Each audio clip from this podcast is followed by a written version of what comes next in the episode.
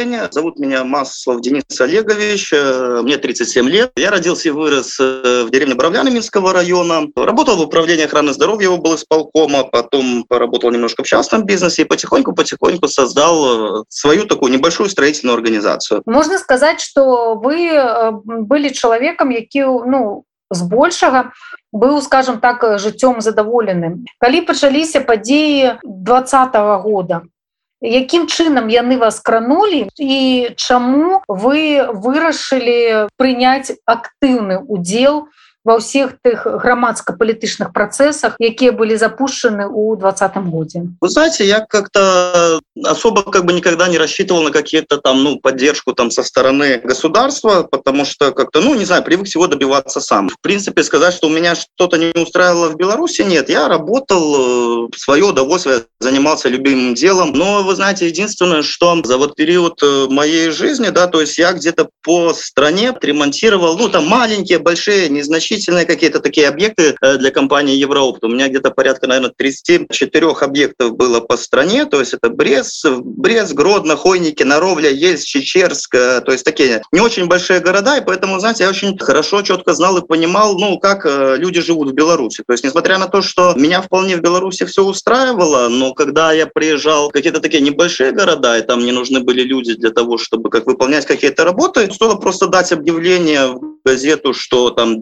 ищу пособника, там, грубо говоря, за 50 рублей в день. И, э, знаете, я видел людей, которые брали отпуска на работе за свой счет, чтобы пойти ко мне работать подсобником за 50 рублей в день. Я прекрасно понимал, что уровень ну, жизни белорусов, он как бы находится на таком, ну, на очень грустном и печальном уровне. Люди там держат какое-то там хозяйство у себя, чтобы выживать, то есть просто выживать в стране. Сказать, что это меня, ну, не волновало, нет, я не могу так сказать. Поэтому где-то, знаете, приближаясь уже к событиям 20 года, у меня так э, очень все как бы, ну, хорошо как бы сложилось все. У меня в конце 2019 года был там очень хороший заказ, э, я заработал довольно-таки ну, неплохие деньги, плюс я как бы никогда не жалел э, денег людям, то есть если люди зарабатывали хорошо, то я и платил хорошо, я никогда не пытался там больше набить свой карман. И поэтому так все сложилось, что 20 год, э, ну, я мог позволить себе как бы уйти, скажем так, с головой в политику, потому что мне было интересно стать э, депутатом в нашем Боровлянском совете. Как бы у меня такие были немножко такие планы на будущее. Потом э, Бабарика Виктор Дмитриевич появился, я несколько ездил на несколько встреч с ним, и мне политическая жизнь страны как бы стала очень интересна. Поэтому, ну, естественно, я зарегистрировался в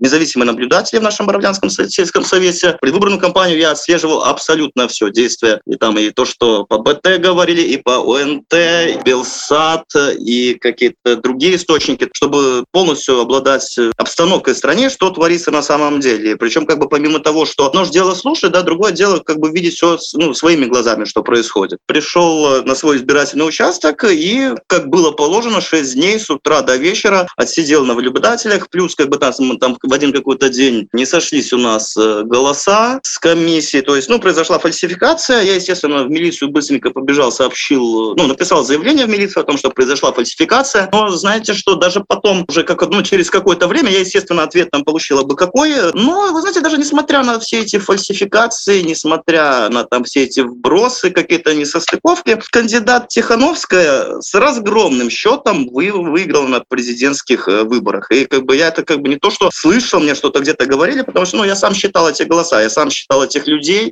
Это было, скажем, такое начало моего активного участия в политической жизни страны. То есть именно как бы начал с наблюдателей. Подеи 9 жніўня і вось потым 10 11 12 самые такие Зварушальныя дні калі беларусы асэнсавалі насколькі жорстка рэжым плануе бараніць свае інтарэсы. Ось гэтыя дні дзе былі вы? События 9 августа то есть мы получается до последнего мы были в баравлянах с наблюдателями то есть мы ходили от одного участка к другому и как бы узнавали результаты э, выборов. И уже под конец где-то часиков наверное около 10 мы стояли около баравлянской гимназии там куча народу, все про... Ну, это был действительно праздник такой, на самом деле праздник. То есть была милиция, э, наш Боровлянский отдел, э, ну, среди которых я, ну, много ребят знаю, потому что мы с ними родились, выросли. В какой-то момент, э, где-то часов около 10 вечера подъехали два микроавтобуса с ОМОНом, что-то так выскочили. Я не помню, с кем я из сотрудников тогда милиции стоял, разговаривал, но как бы все было очень чинно и благородно. И сотрудники Боровлянского отдела милиции ровненько ОМОНу сказали, что давайте-ка вы отсюда езжайте, у нас здесь все под контролем, то есть было где-то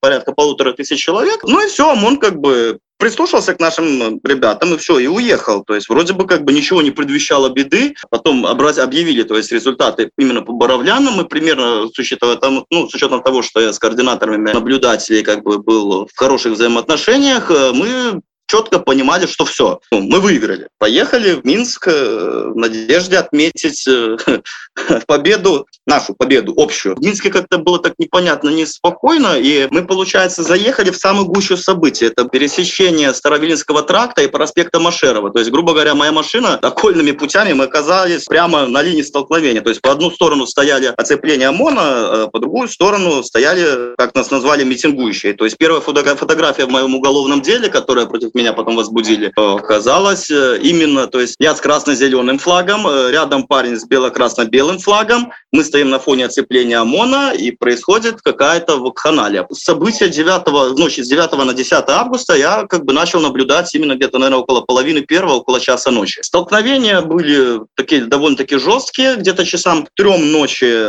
со стороны Немиги подошли еще как бы пара, ну такая колонна ребят. Силовики скомандовали штурм и полетели все на митингующих. То есть светошумовые гранаты, газ, все подряд. Я как-то так никуда так убегать особо не смог. Я все равно как бы остался на дороге, поднял руки и шел просто навстречу. То есть справа, слева, со всех сторон задержание, там что-то бьют, всех колотят, непонятно что. Но я как-то такой, лицо клином, иду к машине. Оцепление ОМОНа оказалось, получается, уже позади меня. Около моей машины, припаркованной на дороге, оказалось два микроавтобуса с э, силовиками, которые именно руководили э, самой операцией. То есть там было два буса. Я подхожу подхожу к ним, говорю, ребята, а что вообще в Минске происходит? Что, что, что вообще творится? Это что за бред такой? Они говорят, так, короче, садись в машину, давай дуй через Стеллу, все, и езжай в свои Боровляны. Ну, я сел в машину, отъехал. Правда, дорогу мне перегородили сотрудники ГАИ, и через э, Стеллу не поехали. Поехали мы через Старовилинский тракт, там было еще одно оцепление э, силовиков, они расступились как бы из-за машины, ну, из-за машины ГАИ, и все, в принципе, в этот вечер я благополучно доехал до Боровлян, то есть где-то часам к 4 утра я был в Боровлянах. Вот. На следующий день в 10 утра я открыл телефон, посмотрел события, которые были в Минске, там, то, что показывал Нехта, то, что показывал ОНТ, так меня это немножко на коня подсадило, и я позвонил своему знакомому, бывшему товарищу, полковнику Алмаза, товарищу Рудницкому. То есть мы с Алексеем были в таких приятельских отношениях. Э, я хорошо знаю его супругу. И позвонил я со словами, Леша, а, а какого там вчера в Минске вообще происходило, что вы там устроили? Я говорю, что мы собираемся сегодня вечером в 7 часов с друзьями, все вместе, кого ты знаешь, пойти э, в Минск отмечать э, события победы нашей, ну и, соответственно, после вчерашней ночи мы даже не понимаем, как это двигаться. На что мне Леша сказал, что Денис, мы, ты нормальный, правильный пацан, мы тебя там все уважаем, но не вздумай соваться сегодня в Минск вечером. Я говорю, Леша, ну ты серьезно то есть, считаешь, что я вот это смогу просто вот так осать после того, что я вчера ночью увидел? Что мне Леша сказал, Денис, я тебе все сказал и положил трубку. Я сказал, ну, хорошо. Мы проехали вечером в Минске такой, в 7 часов вечера была такая обстановочка, скажем так, ну, такая напряженная, знаете, как будто перед боем, потому что людей особо не было, везде было куча силовиков, куча стоплений, было понятно, что вечером сегодня что-то действительно будет происходить довольно-таки неприятное. Вот. Поэтому я приехал в Боровляны, где-то часов до 9 в Боровлянах, а к 10 я уже поехал в Минск. Ехал я к универсаму Рига, это было где-то около часов 10 вечера. Там уже митингующие, ну, было очень много людей, ребята уже там баррикады собирали, я так сверху Риги смотрел на все это происходящее. Где-то, наверное, часов около 11 из универсама Рига выбежало где-то порядка 20, наверное, силовиков. И так, без объявления войны, просто так, шах, и вот, ну, в толпу закинули светошумовые гранаты. Ребята с баррикад, свою очередь ответили фейерверками, эти убежали, и как бы силовики опять же применили газ сразу. Я увидел, что от баррикад оттягивают какого-то одного парня, я подошел к нему, там медики были, они начали ему перевязывать ногу, я говорю, слушайте, пацаны, ну, ребята, у меня машина вон припаркована прямо за Ригой, давайте мне парня этого, ну, забинтовывайте, и я его повез тогда на областную больницу к себе в Боровляны. Они его замотали, я его немножко так на себя подгрузил, занес э, к себе в машину, и мы поехали уже оттуда непосредственно в Минскую областную клиническую больницу, там, конечно, уже было кошмар. Там на входе девочки и в слезах, что в Минске идет война. Парня этого закинул, ну и пошел по отделению пройтись, посмотреть, э, что там было. Потому что людей, конечно, привозили в таком состоянии, что просто катастрофа, там с разбитыми головами, там человеку с, ну, со здоровой психикой обычному там, наверное, в голове не укладывалось. Я прошелся, посмотрел, понимал, что уже в Минск соваться как бы, ну, уже смысла нету, тем более это же где-то было около там, ну, уже где-то ближе к двум часам ночи, я поехал домой. 10 я уже поехал на базу Алмаза сначала с утра в 11, потому что уже как бы понимал, что звонить бесполезно. Я приехал на базу, сказал, что передайте полковнику Рудницкому, что к нему приехал Маслов, на что ну, мне сотрудник сказал, что Алексея нету на месте, и как бы разговаривать он как бы ну, не будет. Поэтому ну, с того момента с Алексеем мы, мы с ним потом через полтора года случайно встретились. Но это была такая, знаете, встреча типа так переглянулись друг на друга, посмотрели, там, перекинулись пару слов, ну и так, разошлись в разные стороны. Вот. И 11 вечером я, мы поехали уже э, на Уручье. Ну, вот там мне очень сильно на самом деле повезло. Просто катастрофически повезло, потому что мы стояли э, около э, торгового центра «Спектр», и кто-то сказал, что со стороны улиц, ну, со стороны строительного рынка припарковали сотрудники ОМОНа, Ребята все сказали, все, давайте переходим на ту сторону. Я сажусь такой в машину, только завожу ключ, и такой, то, только двинулся, а передо мной так раз и шесть автобусов э, силовиков просто останавливается. Получается, открываются двери, я оказался так, ну, заблокирован э, автобусами, ну, так, между автобусами. И, получается, открываются двери, э, сразу они с ружей поздоровались, я не знаю, кто это за силовики были, э, Алмаз или там внутренние войска, я как бы так особо не вникал в тот момент.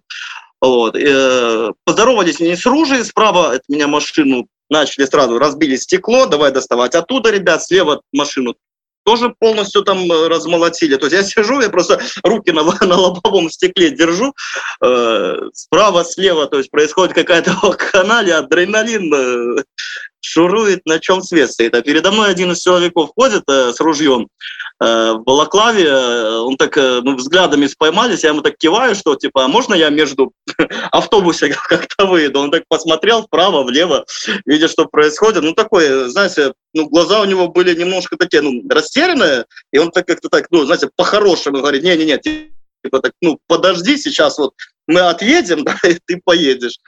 Вот, и получается, что как только задержали ребят вот с машины справа и слева от меня, автобусы отъехали, и я такой с чувством выполненного долга э, территорию столкновения силовиков э, и протестующих, митингующих. Я даже не могу их называть протестующие, митингующие. Какие протестующие, митингующие? Люди вышли ну, просто за правду. Я такой митингующие, не, не, не нравится очень риторика. Ну, получается, вот 11 числа автобусы вот эти вот отъехали, и все, где-то часам 12 я уже поехал в Боровляны. То есть события ночи, ночей с 9 по 12 меня, конечно, очень сильно впечатлили. Як далі разгортаваліся падзеі у вашым жыцці, сколькі часу вы яшчэ заставаліся ў Беларусі і я ведаю, что была история с покаяльным видео. Дальше, дальше. Дальше, в принципе, как и все белорусы, принял активное участие в маршах воскресных, постоянно ходили на марши, долго ходили. И вы знаете, где-то, наверное, тоже так немножко так похолодало, был очередной воскресный, воскресный марш. Э, ну, я тоже поехал вместе с ребятами. Ну, я как-то изначально даже после событий тех ночей я как бы принял для себя решение, что я никуда ни от кого бегать не буду, потому что я не понимаю, почему я от кого-то должен бегать. Вот, вот на одном из этих маршей, получается, останавливаются два микроавтобуса с силовиками, и старшей группы такой, э, ну, на меня говорит, так, слышь, иди-ка сюда. То есть я подхожу, он садится напротив, я сажусь напротив него, Я говорю, а что-то там говорят, что у вас там дорогущая экипировка, что-то вон все какие-то обдертые, облезлые. Она говорит, так врут, наверное. Я говорю, так, наверное, и про нас тоже же врут. Э, и мы вот в таком вот ключе, наверное, с ним сколько? Ну, минут 10, наверное, вот так вот разговаривали о том, что происходит в Минске, о выборах, том, кто прав, кто не прав. И то есть э, он не пытался меня ни в чем убедить. Да и я, в принципе, его ни в чем не пытался убедить, потому что к ноябрю месяце уже все прекрасно было понятно, что, почему и как. В результате вот этого 10-минутного разговора вот этот парень, который изначально там, ну, с ружьем, который сидел, который все там орал на меня на пол, на пол, он такой говорит, слушай, старшой, это, это же вроде вполне адекватный, может, давай его отпустим. Ну, это, наверное, тогда уже был такой, знаете, уже тогда э, марши стихли, уже были, остались какие-то такие дворовые марши, где я никого не знал. Поэтому, наверное, то есть вот э, мое хождение по маршам, наверное, вот закончилось вот такими событиями. У меня несколько раз был выезд из Беларуси, когда в 2021 году э, была акция, посвященная Дню воли. Ну, я утром садился в машину, я был задержан сотрудниками уголовного розыска Боровлянского отдела милиции. Меня доставили в Боровлянский отдел милиции, я не понимал, что вообще происходит, э, то есть, ну, с какой радости, то есть, тем более уголовный розыск. То есть меня там продержали где-то часа 3-4, а потом как бы так сообщили, что вам большой привет от Комитета госбезопасности, и как бы не могли бы вы свои политические взгляды ну, держать при себе. Я как бы сказал, ну хорошо, я вас услышал, э, и поэтому, ну, все, спасибо. И они меня, получается, отпустили. То есть там ну, буквально 4 часа продержали. А вот уже 16 августа 2021 э, года я был дома, и вот тут уже пришел, пришли сотрудники Комитета госбезопасности уже непосредственно с обыском. Мне ложат э, постановление прокурора на обыск и говорят, что вот вы подозреваетесь в терроризме. Я говорю, уже пацаны, ну с ума сошли, что ли? Там 40 от 8 до 15. Они говорят, Денис Олегович, ну как-то вот так. То есть у меня прошел обыск, э, в квартире у меня, ну, естественно, ничего не нашли, но уже через неделю, 21, то ли 21, то ли 22 августа ко мне уже ночью в 11 часов пришли сотрудники Боровлянского отдела милиции повторно, с повторным обыском. То есть в результате обыска у меня уже был изъят ноутбук э, рабочий с программным обеспечением, изъят телефон с рабочими контактами. Я написал написал ходатайство в Комитет госбезопасности о том, что я еду отмечать свой день рождения в Украину, и плюс командировку, не могли бы вы вернуть технику. Ну и все, сел как бы в автобус, и просто через границу по своему паспорту я выехал в Украину, чтобы, ну, как бы понимать, а вообще, то есть, ну, какой мой статус и почему ко мне такой интерес со стороны госбезопасности. Спустя неделю я понял, что как бы ничего особенного не происходит, и после этого я вернулся обратно в Беларусь. Э, я написал еще несколько ходатайств Комитета госбезопасности о возврате техники и вообще о том, что ну, с какой радости я подозреваюсь в терроризме и почему я должен куда-то бегать. А что мне потом наконец-то пришел ответ, что отделы за терроризм будут откреплены, но ваши документы переданы в Следственный комитет Республики Беларусь, поэтому теперь вы должны общаться с ними. Я начал писать Следственный комитет ходатайства о возврате техники, причем к тому времени у меня уже, как бы, ну, понятно, что бизнес за полгода сошел на нет, потому что, ну, кто со мной, во-первых, как бы всю технику необходимую, там, с программным обеспечением, бухгалтерские программы, все было изъято, плюс э, заказчики, естественно, узнали, что в отношении меня ведется какое-то уголовное преследование. Последнее ходатайство написал 24 декабря, и уже в январе месяце мне вначале позвонили, что Денис Олегович, ну, придите к нам поговорить. Э, на всякий случай так прихватил сумку, вещи, э, и, получается, уже приехал в Следственный комитет. В Следственном комитете меня встретили, подняли наверх, и тут уже выбегают два сотрудника глубоко со словами «ну вот ты и попался». И мне общее уголовное дело, там 25 статей уголовного кодекса. Я говорю, пацаны, вы с ума сошли, что ли? Я за всю жизнь столько не насобирал. Вы конкретно объясните, какие ко мне претензии. Ну, они мне дальше, потому что следователь Следственного комитета показал, что э, вот вы подозреваетесь по 342 части 1, активное участие организации массовых беспорядков, и поэтому вы задержаны. Поехал я на Крестина. Я сразу сказал, что я не буду лицом к стенке становиться, я буду становиться так, как мне как бы будет удобно, и стал около двери. Открываются двери, приходит начальник ВС, начинает, ну, все, сказал всем повернуться и давай спрашивать, ты кто? Там, один этот парень, который с ЛТП приехал, говорит, я там швея. Второй говорит, я там, ну, бизнесмен. Третий, я сотрудник э, э, горосполкома. И потом дело дошло мне, ну, а ты кто? Я говорю, я, ну, Маслов Денис Олегович, э, директор фирмы строительный, индивидуальный предприниматель.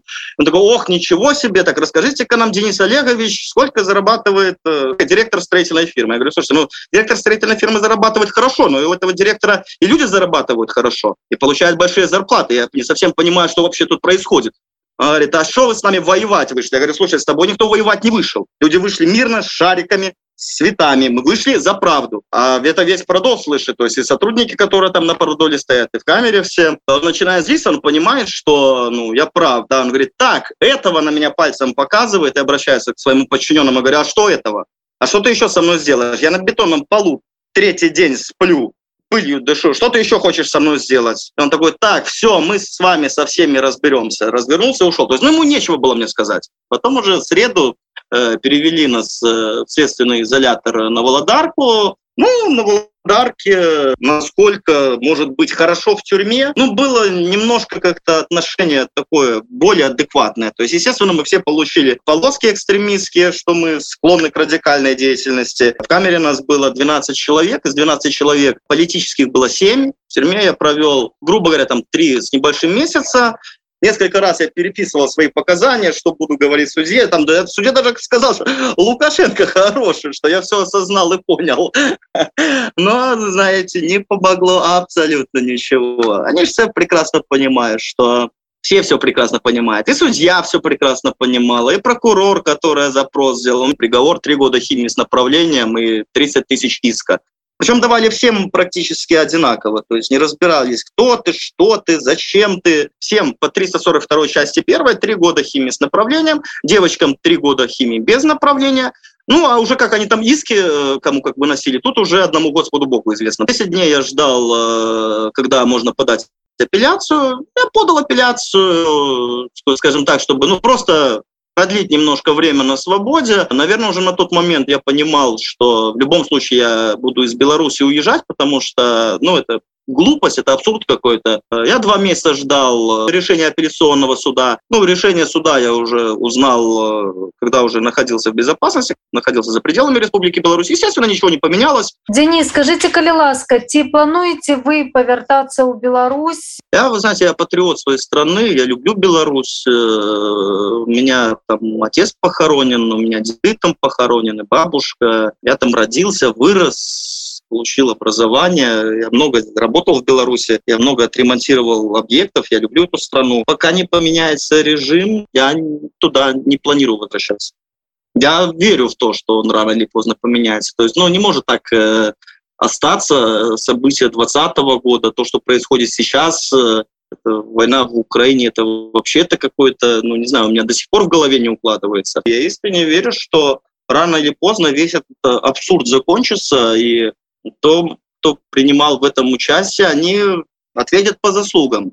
Я вернусь в страну, я понимаю, что я вернусь в руины той страны, которую мы когда-то знали, потому что той Беларуси, которую мы любили, которую мы знали, к сожалению, на сегодняшний день нету. Ее надо будет создавать заново. Ее кто-то должен создавать.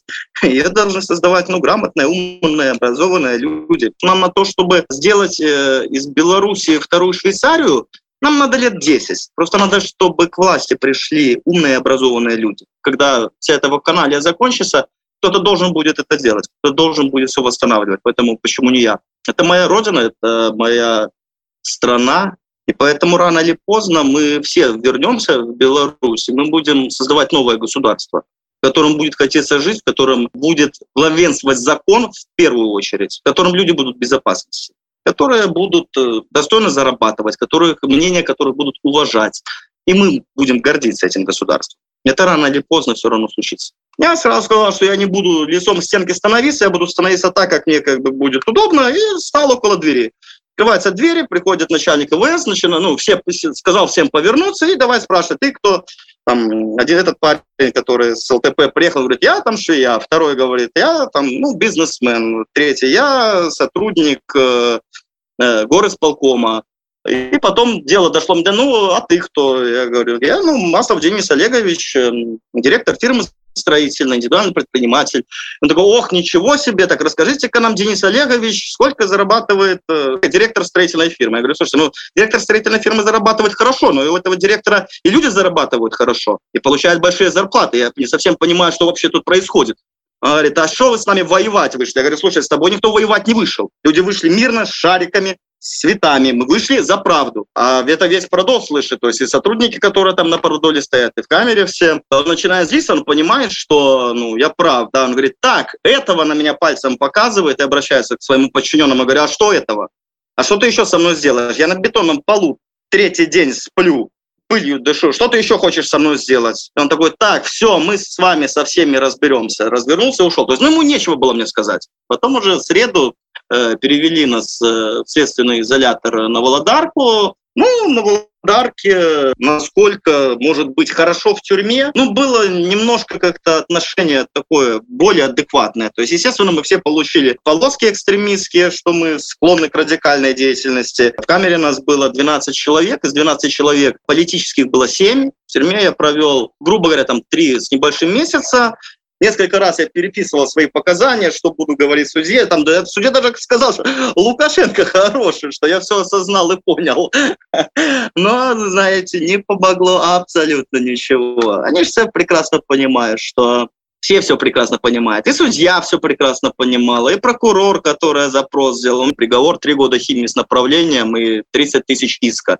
Причем давали всем практически одинаково, то есть не разбирались, кто ты, что ты, зачем ты. Всем по 342 части первой три года химии с направлением, девочкам три года химии без направления, ну, а уже как они там иски э, кому как выносили, тут уже одному Господу Богу известно. 10 дней я ждал, э, когда можно подать апелляцию. Я подал апелляцию, скажем так, чтобы ну, просто продлить немножко время на свободе. Наверное, уже на тот момент я понимал, что в любом случае я буду из Беларуси уезжать, потому что, ну, это глупость, это абсурд какой-то. Я два месяца ждал решения апелляционного суда. Ну, решение суда я уже узнал, когда уже находился в безопасности, находился за пределами Республики Беларусь. Естественно, ничего не поменялось. Денис, скажите, калі ласка, ці плануеце вы повертаться ў Беларусь? Я, вы знаете, я патриот своей страны, я люблю Беларусь. Э, у меня там отец похоронен, у меня деды там похоронены, бабушка. Я там родился, вырос,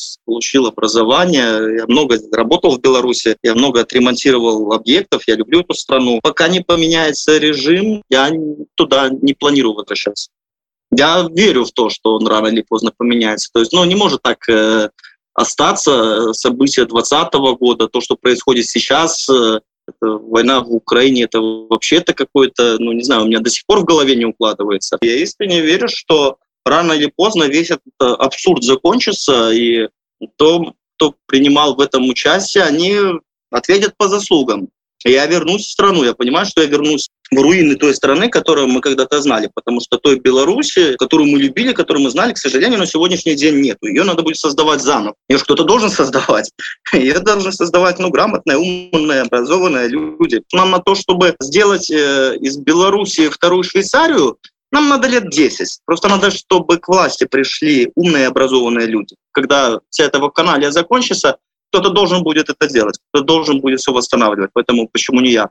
Это моя родина, это моя страна, и поэтому рано или поздно мы все вернемся в Беларусь, и мы будем создавать новое государство, в котором будет хотеться жить, в котором будет главенствовать закон в первую очередь, в котором люди будут в безопасности которые будут э, достойно зарабатывать, которые, мнения которых будут уважать.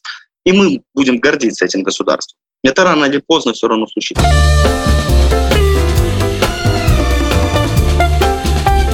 Невероятные